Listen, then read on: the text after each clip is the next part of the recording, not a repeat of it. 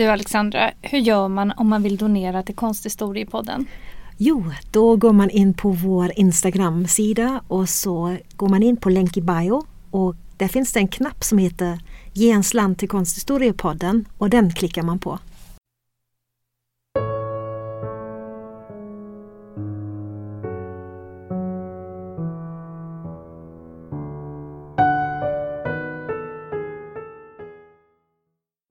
Hej och välkomna till det första avsnittet av Konsthistoriepodden.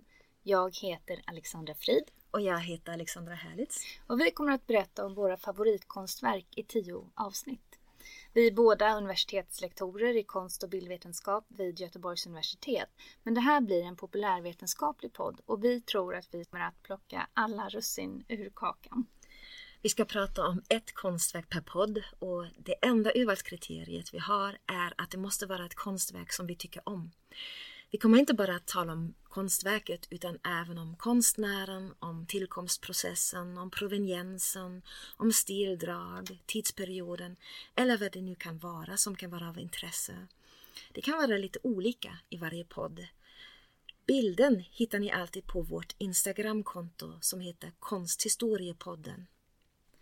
Idag ska vi titta närmare på målningen Flicka med pärlhänge. ett verk som tillskrivs Johannes Vermeer. Det är en tavla som mäter 44 x 5 x 39 cm och är målad med olja på duk och daterad omkring 1665. Nu för tiden finns det på Mauritshus i Haag i Holland. Bilden föreställer en flicka som är målad i klara färger mot en mörk bakgrund där vi ingenting kan urskilja. Hon är ung, kanske i tonåren och vänder sig om till betraktaren. Vi möter hennes blick och ser hennes lätt öppna mun där vi kan skönja hennes tänder. Nu för tiden är Flickan med pärlörhänge ett av världens mest kända målningar, men det har inte alltid varit så. Man kan säga ganska exakt när verket blev populärt, nämligen i samband med en stor retrospektiv utställning som Mauritshus gjorde 1995 till 96. Inom loppet av bara 14 veckor var det 460 000 besökare som såg den och alla biljetter till utställningen blev sålda i förväg, så det var en fantastiskt populär utställning. Det var också i samband med denna utställning som verket fick sitt nuvarande namn, Flicka med pärlörhänge. Innan dess kallades den för Flicka med turban eller bara Flickporträtt. Verkets proveniens eller ägarhistorik är väldigt intressant. Inom konstvetenskap är ägarhistoriken en väldigt viktig del när man till exempel ska tillskriva ett verk till en konstnär eller i en värderingssituation eller när det gäller äganderätt. Det är oerhört viktigt att man kan följa hela linjen från idag till förhoppningsvis konstnärens ateljé. Ja, det kan man säga. Det första som vi vet om denna målning är att den såldes på en auktion 1881 i Haag, Holland, vilket är över 200 år efter verket ska ha skapats. En konstkännare som hette Victor de Stors rekommenderade då denna målning till en vän som var konstsamlare, Arnoldus Andrés de Tombe. Det finns två olika skildringar av denna händelse. I den ena sägs det att Stås direkt kände igen att det var en förmermålning trots dess dåliga skick. Den andra skildringen säger att man först i efterhand blev medveten om att det var en Vermeermålning när man hade rengjort tavlan och såg Vermeers signatur. Hur som helst bestämde sig Stås att inte själv lägga bud på verket utan de Tombe köpte det för två gulder. Flickan med pärlörhänge kom på så sätt att visas för offentligheten då de Tombe hade öppnat upp sitt hus, eller snarare sin konstsamling, för allmänheten. Efter de Tombs död 1902 testamenterades målningen tillsammans med 15 andra verk till Mauritshus i Haag. Generellt kan man säga att Vermeer och hans verk var tämligen okända under hans liv eftersom hans verk skapades som beställningar och hamnade sällan på konstmarknaden. Men det är inte så att Vermeer var okänd eller hade hamnat i glömska utan man förstod kvaliteterna i hans verk och lovordade dessa. Det är bara så att han sällan blev nämnd i litteraturen under 1700-talet.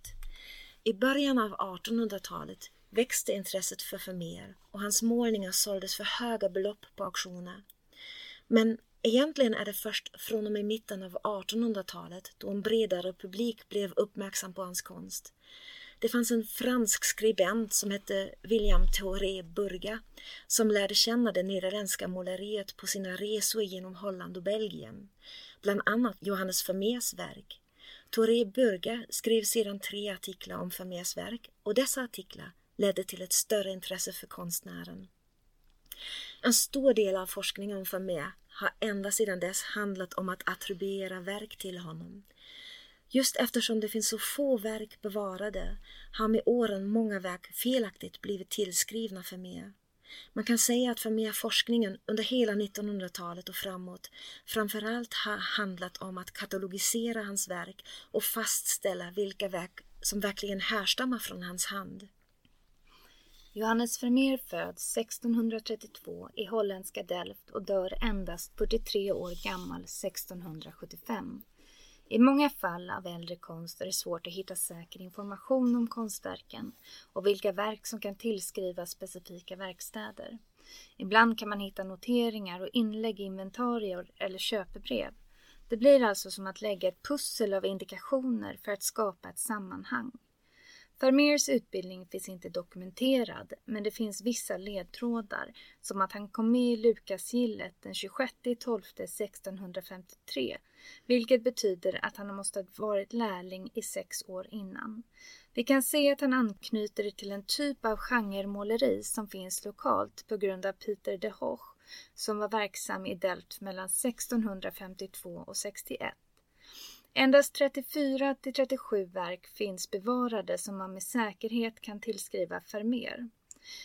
Han hade startat med historiemåleri men det är hans genremålningar som han blir känd för.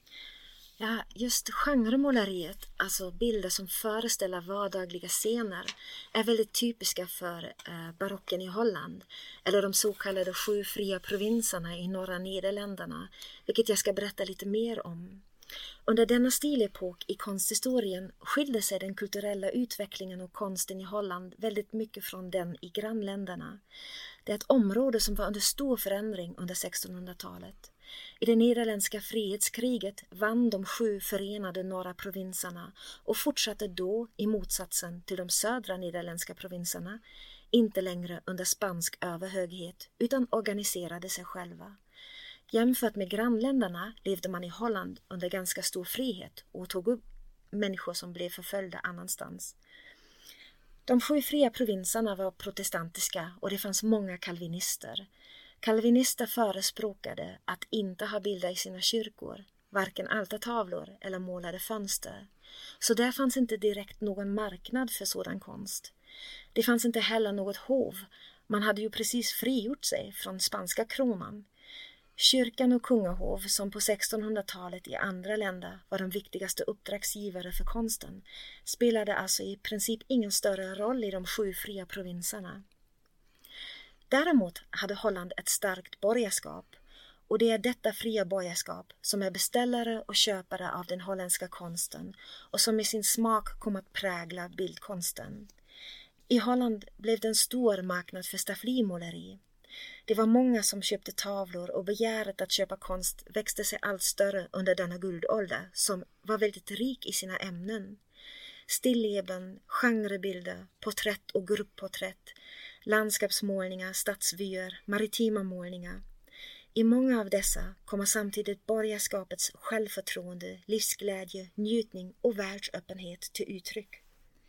1653 så gifte sig Vermeer med en katolsk kvinna vid namn Katarina Bollnäs och de fick 14 barn varav 11 överlevde småbarnsåldern.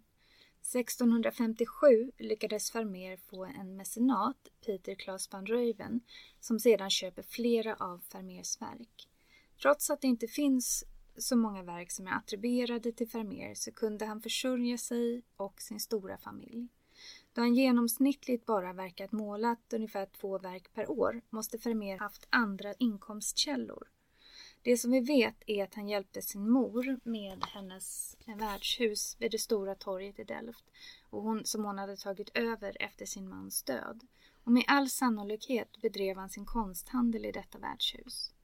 Att vara verksam inom konsthandel var ett väldigt utbrett fenomen bland holländska målare under 1600-talet. Han var också verksam som konstexpert och värderade konstverk samt garanterade deras äkthet. Som sagt, vi vet inte så mycket om honom egentligen. Familj föddes som andra barnet och enda son till en silkesvävare från den flamländska staden Antwerpen. Fadern flyttade så småningom till Delft och kom som konsthandlare att bli medlem i Lukasgillet, alltså en sammanslutning för bland annat konstnärer och konsthandlare. I 1600-talets Holland behövde man som konstnär eller konsthandlare vara medlem i ett gille för att kunna utöva sitt yrke. Lukasgillet kom att bli viktigt för Vermeer också. Vermeer var dekan för Lukasgillet i Delft under fyra år, vilket talar om för oss att han var en ansedd personlighet i Delft. Och detta är en viktig detalj när man annars inte vet så väldigt mycket om honom. 1675 avled Vermeer endast 43 år gammal efter några dagars sjukdom. Han lämnade efter sig stora skulder, så stora skulder att änkan inte ens kunde ta ut sin arvsrätt. Trots att hans änkas familj försökte motarbeta en utförsäljning av kvarlåtenskap så såldes 1677 de resterande verken och annat av värde från dödsboet på en auktion anordnad av Lukasgillet i Delft. Så vitt vi vet fick Vermeer redan under sin livstid bra betalt för sina konstverk. Oftast skapade han verk åt sina mecenater, som till exempel bagaren Henrik van Boyten. Men man vet inte riktigt om hans mecenater beställde verken eller om de enbart hade någon slags rätt till förköp. Vad man dock har kommit fram till är att Vermeers ekonomiska situation först under de sista åren av hans liv försämrades. Man ser detta som en följd av det fransk-nederländska kriget från 1672 till 79 då Vermeer inte kunde sälja fler målningar. Dessutom finns det också brev från hans fru bevarade som vittnar om att han under kriget blev tvungen att sälja sina konstverk under värde. Flera av Vermeers verk föreställer unga okända kvinnor placerade i olika interiörer, hemmamiljöer, utövande sysslor eller andra företag. Men Flickan med pärlörhänge skiljer sig från de motiven eftersom hon till synes är placerad framför en mörk bakgrund och saknar en känd kontext. Vi ser en målning som visar flickan nära inpå inför en mörk bakgrund. Hon brukar ibland kallas för den holländska Mona Lisa. Det här är dock enligt forskare antagligen inget porträtt. Inte en målning som har syftet att avbilda en verklig person med sin egen personlighet. Man tycker att hennes ansikte visar för få distinkta drag för att kunna vara ett porträtt. Istället tror man att det är en så kallad tronje. En tronje utgår från en modell men behöver i princip inte avbilda modellens yttre. En tronje handlar mer om att skildra en särskild typ av karaktär. I detta fall en kvinna i exotisk klädsel. Sådana bilder var vanliga under 1600-talet i Holland så det är troligt att det kan vara en, ett exempel på en sådan. Flickan är utklädd eller uppklädd i exklusiva tyger. Vi ser flickan i den ljusbruna jackan med en tydlig vit krage som sticker fram. Hon bär denna påfallande huvudbonad, en blå turban med ett gult tygstycke som faller ner över hennes axel. Sådana turbaner var à la mode på 1700-talet, vilket var en följd av de osmansk-habsburgska krigen. Det som har gett tavlan sitt nuvarande namn är den stora droppformade pärlan som sitter i ett enkelt metallhänge i hennes öra. Ja, det så kallade pärlörhänget är väldigt påfallande på grund av de kraftiga ljusreflektionerna på dess yta. För mer antyder det genom väldigt få penselsträck. Egentligen är det bara ljusreflektionen som ger oss illusionen av ett pärlformat örhänge. Vi får väldigt få hållpunkter för örhängets beskaffenhet. Man tror dock att det egentligen inte är en pärla som Vermeer målade, då en pärla i denna storleksordning inte hade varit överkomlig, varken för flickan eller för Vermeer. Pärlan är större än en av flickans ögonglober, man tror att det är en silverkula eller en glaspärla, vilket även de starka ljusreflektionerna tyder på. Förr i tiden kunde man förresten se ännu en ljusreflektion på örhänget, men denna avlägsnades i samband med en restaurering 1994. Där märkte man att denna andra ljusreflektion inte härstammade från Vermeers hand och tog bort den. I samma undersökning visade det sig att det fanns ett grönt draperi bakom flickans huvud och att Vermeer hade målat till små fina ögonfransar på flickans ögonlock. Det förändrar kanske hur vi skulle se på målningen. Men det signifikanta med porträttet är ju den avskalade bakgrunden som förefaller så modern och blicken som inte lämnar betraktaren oberörd och hur flickan nästan kommer ut ur målningen. Denna tekniska undersökning visade också att Vermeer ändrade kompositionen under målningens gång. Placeringen av örat, den övre delen av huvudbonaden och hennes nacke ändrade sin plats under verkets framväxt. Det verkar som om Vermeer inte sparade på materialen utan använde sig av de mest kostbara material som fanns på marknaden. Under renässansen, då konstnären fick en tydligare roll och högre status, menade man just att ju bättre konstnär man var, desto bättre material förtjänade verken. I Vermeers målning använder han till exempel pigment från lapis lazuli som är en blå sten med guldstoff i som under den här perioden var mer värdefull än guld och kom från vad vi idag kallar för Afghanistan. De nya undersökningarna visade att Vermeer använde sig av pigment från hela världen. Från regioner som nu för tiden tillhör Mexiko och Centralamerika, England och möjligen Asien eller Västindien. Eh, detta visar inte bara att Vermeer använde sig av högkvalitativt material utan det visar också att Holland var en global handelsnation under 1600-talet. Flickan i målningen är okänd och det finns en viss mystik kring bilden vilket har gett upphov till en roman som kom i slutet av 1900-talet och en spelfilm som baserades på den som kom inte långt därefter. Då försökte man skapa en speciell relation mellan flickan och konstnären, helt fiktiv. Och denna spänning skulle då förklara flickans sökande och utmanande blick mot konstnären, alltså Vermeer.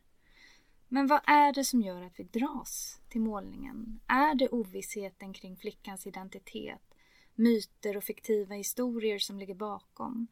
Det är i alla fall en av de verken som man bär med sig i konsthistorien ända från studietiden. Det är onekligen en av världens mest kända och omtyckta målningar och många känner sig tilltalade av den.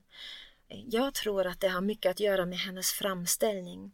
Det här sättet hur vi får se henne från sidan när hon vänder sig till oss, tittar rakt mot oss och öppnar munnen som om hon just ska prata med oss. Det är sådant som engagerar oss som betraktare i verket.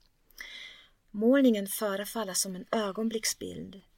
Som jag sa, flickan verkar precis ha vänt sig om och öppnar munnen för att tala med oss. Och detta betonas av Vermeer genom väldigt små detaljer, som att vi ser glansdagen på hennes underläpp den indikerar att läpparna är fuktiga, att hon just har öppnat sin mun. Det är sådana detaljer som ger flickan med pärlörhängen något flyktigt så att man nästan blir orolig att hon lika snabbt ska kunna vända sig bort igen och att vi då inte längre får möta hennes gåtfulla blick. Ja, människor verkar fascineras av målningar där man möts av en gåtfull blick. Det är ju ett liknande fenomen med Leonardos Mona Lisa som den här målningen ofta har jämförts med. Blicken öppnar upp för så många frågor som vi kan ställa oss, inte minst om vem hon är och vad det är för relation som Vermeer har till henne. Vad är det för blick hon ger oss? Varför vänder hon sig om? Vad är det hon vill säga? Och vi kommer aldrig få svar på de här frågorna och det är kanske är det som engagerar oss, kanske ännu mer som betraktare. Mm. När man står framför den lilla målningen eh, på Maurits hus så blir man alldeles betagen av Vermeers skicklighet, framförallt när det gäller ljusbehandlingen. Det är ett väldigt delikat och behagligt spel av ljus och skugga som Vermeer skapade, inte minst i flickans ansikte. Samtidigt är verket inte direkt stillsam utan har en sådan dynamik på grund av de starka kontrasterna som uppstår genom de ljusa och klara partier som Vermeer lägger bredvid den mörka bakgrunden. Det är ganska dramatiska effekter i färg och ljusbehandlingen i den här lilla målningen som vi inte är vana att se i Vermeers annars väldigt stillsamma bildvärld. Verket är och förblir ett av konsthistoriens stora mysterier och kommer säkerligen fortsätta att fascinera människor en lång tid framöver. Tack för att ni har lyssnat på oss och på historierna bakom Famés tavla Flickan med pärlörhänge. Och vi hoppas såklart att ni fortsätter att lyssna till nästa poddavsnitt med oss. Precis, vad det blir då, det blir en överraskning.